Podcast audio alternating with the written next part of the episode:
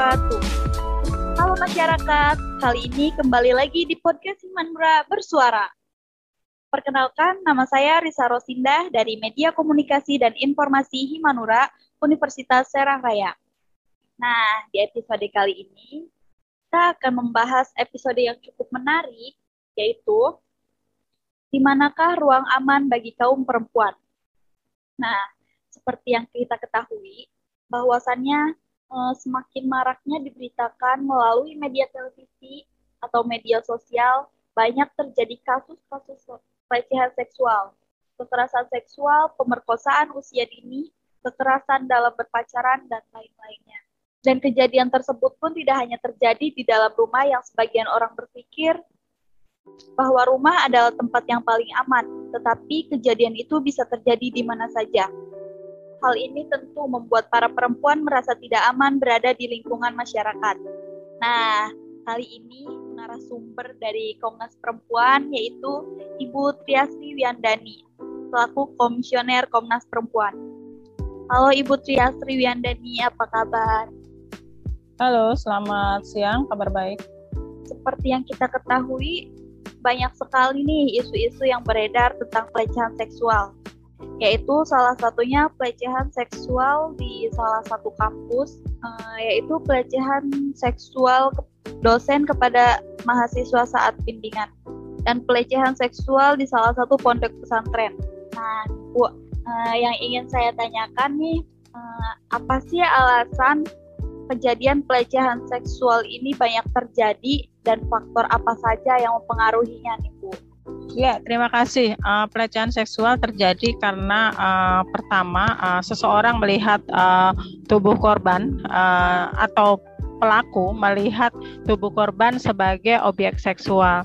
Nah, ini juga tidak lepas dari lahirnya budaya patriarki di mana budaya penguasaan uh, yang menempatkan laki-laki uh, sebagai kelompok kelas uh, masyarakat yang pertama, yang kedua uh, perempuan uh, ditempatkan sebagai kelompok kelas masyarakat kedua sehingga uh, di dalam uh, budaya patriarki tersebut pelanggengan uh, penguasaan karena privilege uh, bahwa dari kecil kita selalu diajarkan uh, bagaimana menempatkan laki-laki menjadi prioritas di dalam mendapatkan akses akses apa pun itu pendidikan akses untuk oh, bagaimana peran-peran uh, di dalam kerja-kerja rumah tangga itu juga uh, sangat jelas. Sehingga uh, ini juga menjadi salah satu faktor uh, penyebab terjadinya kasus uh, pelecehan seksual. Dan uh, melihat uh, tubuh orang lain yang ditempatkan sebagai uh, objek seksual ini adalah uh, uh, potensi dari uh, munculnya kasus-kasus uh, kekerasan seksual uh, yang salah satunya adalah pelecehan seksual karena pelecehan seksual merupakan salah satu bentuk uh, kekerasan seksual. Demikian, Mbak. Sebagian orang berpikir bahwa terjadinya uh, kasus pelecehan seksual tersebut itu karena pakaian yang terlalu terbuka atau terlalu seksi gitu ya Bu ya. Hal itu berpengaruh nggak sih Bu sebenarnya? Ya, uh, banyak masyarakat yang menganggap kasus kekerasan seksual uh, atau pelecehan seksual tersebut uh, uh, disebabkan oleh uh, karena cara berpakaian uh, perempuan. Karena ini kita melihat bagaimana budaya patriarki juga menempatkan perempuan dalam standar moral. Ketika ada kasus-kasus pelecehan seksual, uh, sehingga yang disorotin adalah tubuh perempuannya, cara berpakaiannya, tetapi tidak melihat kasus-kasus uh, pelecehan seksual ini uh, persoalan permasalahan yang ditimbulkan oleh uh, pelaku yang menempatkan perempuan atau tubuh orang lain sebagai objek seksual. Sehingga kita perlu mengedukasi edukasi publik bahwa kasus-kasus pelecehan seksual uh, atau kekerasan seksual itu bukan uh, salah di tubuh uh, korban uh, yang dijadikan objek seksual, tetapi ini uh, salah uh, uh, karena pelaku uh, memiliki perspektif cara pandang terhadap tubuh orang lain. Jadi permasalahannya bukan di korban, tetapi permasalahannya uh, di pelaku yang menempatkan tubuh orang lain sebagai objek seksual. Sehingga uh, ini juga terbantahkan dari kasus-kasus pelecehan seksual yang terjadi. Uh, banyak korban dari pelecehan seksual itu berpakaian sopan, uh, menggunakan baju muslim, dan kita tahu bahwa kasus-kasus pelecehan seksual juga terjadi di daerah-daerah uh, atau di ranah-ranah pendidikan yang sebenarnya ini menjadi ruang uh, terdidik ya, di mana pelakunya juga gurunya, uh, uh, guru pondok pesantrennya dan korbannya uh, santri uh, santri-santrinya. Dan ini menjadikan bukti bahwa uh, persoalan pelecehan seksual bukan uh, salah di tubuh uh, korban tetapi uh, perilaku uh, pelaku yang melihat dan menempatkan tubuh uh, korban sebagai objek seksual. Oke, baik Ibu, terima kasih. Uh, berarti uh, sebenarnya pakaian itu tidak berpengaruh terhadap kasus-kasus pelecehan seksual yang terjadi ya Bu ya. Uh, berarti gimana cara orang melihat si perempuan itu yang harus mengendalikan diri uh, terhadap nafsunya ya Bu ya? Iya, karena permasalahan ada di, di, di pelaku sehingga yang harus di, diperbaiki uh, itu adalah perilaku pelaku, perspektif pelaku uh, dan perspektif masyarakat di dalam melihat kasus-kasus uh, kekerasan seksual yang salah satunya adalah pelecehan seksual. Nah, perspektif baru ini yang harus kita bangun karena kasus-kasus kekerasan seksual uh, ataupun uh, salah satu bentuknya adalah pelecehan seksual itu adalah uh, perilaku kejahatan terhadap kemanusiaan. Kenapa ini menjadi perilaku perilaku kejahatan terhadap kemanusiaan karena korban itu mengalami dampak yang sangat luar biasa gitu. Dan ini menjadi persoalan bangsa, persoalan bersama, persoalan kemanusiaan karena dampak yang luar biasa yang ditimbulkan dari kasus yang dialami oleh korban ini uh, menjadi uh, perhatian kita bersama sehingga uh, kita uh, berkewajiban untuk melindungi korban, memberikan akses uh, pemulihan bagi korban. Karena kita tidak bisa menyederhanakan kasus-kasus ke kekerasan seksual yang salah satu bentuknya adalah pelecehan seksual sebagai hal yang uh, dinormalisasikan di dalam masyarakat uh, dianggap sebagai hal yang biasa. Karena uh, ini kita melihat bagaimana dampak-dampak bagi korban itu sangat uh, ber, uh, sangat berdampak bagi korban dan uh, puncak dari dampak dari kekerasan seksual yang salah satunya pelecehan seksual ketika korban mengalami depresi, mengalami tekanan psikologis yang uh, itu tidak bisa ditahan, sih bisa aja berpotensi uh, berujung pada kasus-kasus bunuh diri. Begitu, Mbak. Ya, Ibu. Dan mungkin dampaknya itu tidak tidak sebentar ya, Bu ya. Mungkin bisa saja satu bulan, dua bulan, bahkan yang lebih parahnya sampai bertahun-tahun ya Bu. Iya, karena dampak ini sebenarnya kalau kita melihat dari kasus-kasus kekerasan seksual yang terjadi itu tidak hanya berdampak pada korban, tapi juga berdampak pada pendamping yang ini juga uh, sebenarnya uh, meresikokan meresikokan orang-orang di sekitar korban karena tadi uh, kasus-kasus pelecehan seksual uh, di dalam perspektif masyarakat kita itu masih cenderung uh, menyalahkan korban dan keluarganya. Uh, dan ini menjadi PR kita bersama bagaimana uh, mendorong perspektif baru uh, menyadarkan masyarakat bahwa kasus-kasus uh, kekerasan seksual yang juga salah satunya adalah pelecehan seksual bukan sebagai aib tapi ini sebagai persoalan bangsa, uh, persoalan kejahatan terhadap kemanusiaan. Ya Ibu, sehingga dampaknya terutama ke ke korban, ke keluarga dan masyarakat lingkungan sekitar juga mungkin akan merasakan dampak dari pelecehan seksual tersebut ya Bu ya. Iya, sebenarnya kalau kita tarik lebih jauh lagi kepada konteksnya negara, maka ini dampaknya juga ketika perempuan dihancurkan masa depannya uh, karena mengalami kasus kekerasan seksual sehingga ini kan negara kehilangan uh, potensi generasi penerus bangsa uh, sebagai SDM yang berkualitas untuk melakukan kerja-kerja dalam partisipasinya uh, untuk uh, pembangunan. Dan ini kita uh, melihat secara uh, dampak lebih luasnya kalau kita kehilangan sumber daya manusia karena eh, kasus-kasus uh, kekerasan seksual yang dialami oleh uh, korban. Dan kita, kalau kita bicara tentang kasus-kasus kekerasan seksual itu kan sekarang menimpanya tidak hanya kepada kelompok usia tertentu, bahkan uh, lansia, uh, dewasa, anak-anak bahkan bayi pun kan uh, rentan seksual dan juga uh, pelecehan seksual. Nah inilah menjadi uh, uh, kita bersama, perhatian kita bersama, uh, menyampaikan ke publik, menyampaikan ke negara bahwa Indonesia uh, sudah darurat kekerasan uh, seksual. Oke baik ibu. Iya, uh, kita lanjut ke pertanyaan selanjutnya ya bu. Nah kan bukan hanya kasus pelecehan seksual saja yang terjadi ya Bu. Mungkin banyak kasus-kasus lainnya kayak kasus kekerasan dalam pacaran atau bisa dibilang masuk ke dalam hubungan yang toxic atau toxic relationship. Banyak sekali perempuan-perempuan yang terjebak di dalam hubungan yang tidak sehat tersebut sehingga mereka banyak mengalami tindak kekerasan kayak diancam, dipukulin dan lain sebagainya. Mereka sadar kalau mereka itu sedang terjebak dalam suatu hubungan yang mungkin bisa dibilang tidak sehat karena mereka jadi korban kekerasan di, di dalam hubungan tersebut, Bu. Banyak perempuan-perempuan yang mengalami hal tersebut, tetapi mereka tidak bisa keluar atau mereka mereka merasa takut untuk keluar dari hubungan itu.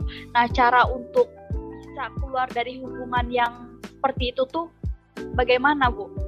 Ya, yang paling bisa dilakukan ketika korban bercerita kepada teman dekatnya atau seseorang yang dipercaya sehingga uh, orang yang dipercaya atau uh, orang yang diceritakan kepada uh, oleh korban itu uh, bisa menguatkan dan menyampaikan bahwa kamu tidak sendiri. Sehingga uh, proses untuk mendampingi dan menguatkan ini uh, sebagai upaya untuk uh, memberikan penguatan kepada korban agar bisa uh, hubungan yang toksis tersebut. Karena memang tidak mudah korban keluar dari hubungan yang toksik karena uh, pelaku itu atau pasangannya yang menjadi pelaku itu uh, memanfaatkan kerentanan korban dengan cara intimidasi, dengan cara uh, tipu daya, dengan hal-hal membuat uh, korban uh, merasa ketakutan ketika ingin mengakhiri hubungannya atau menyelesaikan hubungannya. Sehingga orang-orang uh, terdekat yang mengetahui uh, hubungan toksik tersebut uh, disarankan untuk bisa mendampingi, menguatkan dan uh, yakinkan tersendiri sehingga uh, korban uh, uh, berani untuk uh, bisa mengambil keputusan mengakhiri hubungan yang toksik tersebut.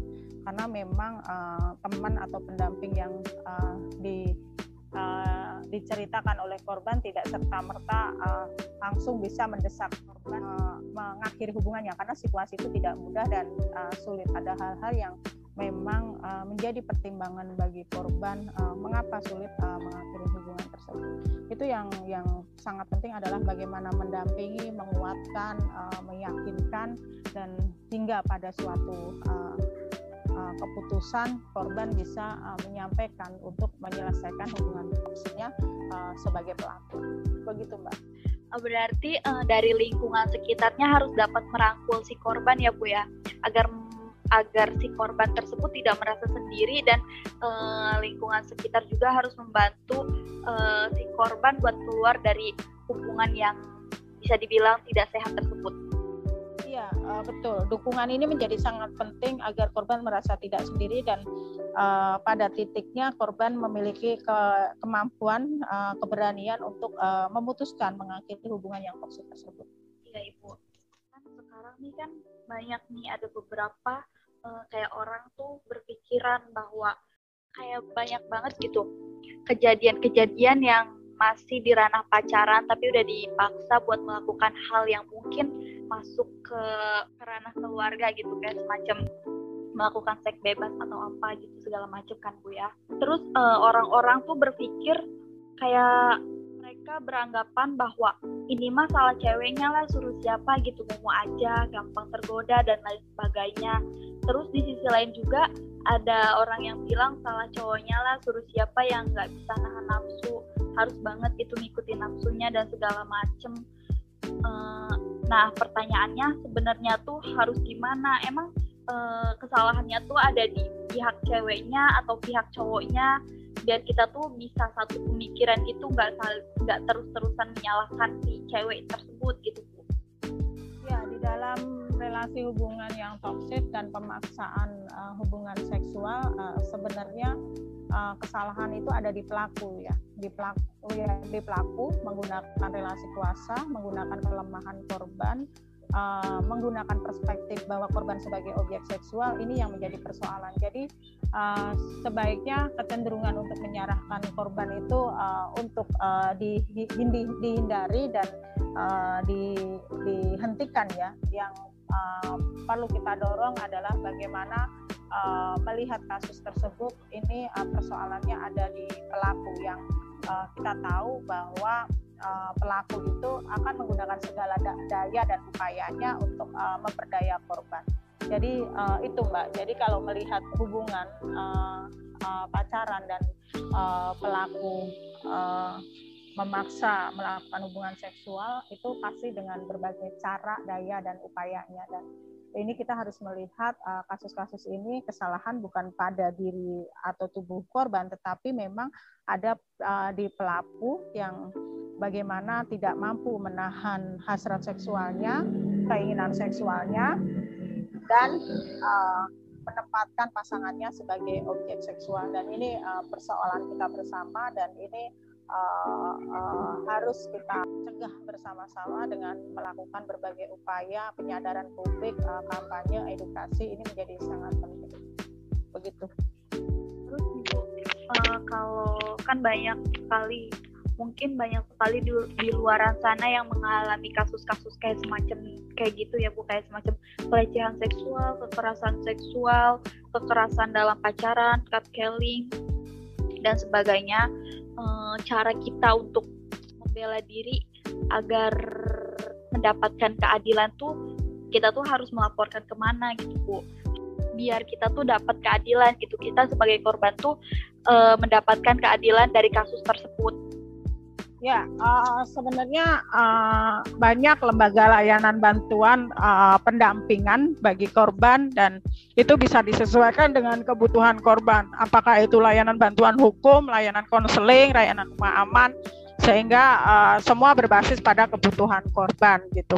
Nah, uh, di di segala uh, persoalan dengan keterbatasan payung hukum kita, maka uh, dilakukan masyarakat dan Komnas Perempuan adalah advokasi rancangan undang-undang tindak pidana kekerasan seksual, di mana diharapkan undang rancangan undang-undang ini menjadi payung hukum yang komprehensif yang uh, mengatur tentang pencegahan, penanganan dan pemulihan. Itu uh, salah satu upaya ya yang bisa dilakukan. Yang kedua, kita membangun edukasi uh, penyadaran kepada publik untuk membangun perspektif baru bahwa uh, tidak seorang pun uh, berhak menempatkan tubuh orang lain sebagai objek seksual. Dan penyadaran-penyadaran ini menjadi sangat penting dan kita bisa menyampaikan kepada publik bahwa kasus-kasus kekerasan seksual bukan lagi sebagai uh, kasus atau persoalan aib semata, tetapi ini uh, kasus kejahatan terhadap kemanusiaan yang harus kita perangi bersama-sama yang dampaknya juga saya tadi juga dijelaskan di uh, di awal bahwa ini sangat luar biasa berdampak bagi korban, bagi keluarganya, bagi pendamping. Nah, upaya upaya-upaya untuk memberikan akses keadilan bagi korban itu memang uh, terus diupayakan uh, baik secara regulasi payung hukum maupun uh, penyediaan lembaga layanan pendamping yang bisa diakses oleh korban. Uh, lembaga layanan pendamping itu ada yang di uh, di uh, diadakan oleh pemerintah, ada juga yang uh, dibangun atau dibentuk oleh uh, masyarakat sipil yang punya konsen fokus di dalam kasus-kasus uh, kekerasan seksual agar mem bisa memberikan akses uh, layanan bagi korban. Demikian, Mbak. Iya Bu. Kayak contoh kasus uh, di KPAI ya Bu, itu kan uh, si korban yang malah jadi disalahkan tuh kan Bu. Si korbannya yang malah disalahkan sedangkan si pelaku yang malah mendapat perhatian lebih dari pihak yang berwajib itu seperti apa ya Bu? Itu bagaimana? Ya itu tadi uh, kita melihat bahwa kasus itu malah meletakkan uh, uh, pada cara pandang uh, menyalahkan korban, uh, tidak memberikan ruang kepada korban, uh, korban tidak didengarkan uh, keterangannya uh, dan uh, justru uh, akses uh, untuk melindungi uh, pelaku itu menjadi lebih uh, cenderung terjadi. Dan di dalam konteks kasus-kasus pelaporan kepolisian kita juga uh, ada persoalan di mana aparat penegak hukum belum uh, terhadap korban sehingga kecenderungan untuk tidak uh, segera merespon atau uh, proses uh, hukum yang uh, lama itu juga uh, menjadi uh, dampak bagi korban dan ini uh, yang kita dorong membangun kerjasama dengan kementerian lembaga aparat penegak hukum agar ada uh, upaya untuk uh, pelatihan di dalam kasus-kasus kekerasan seksual uh, bagaimana APH itu memiliki perspektif terhadap korban. Demikian.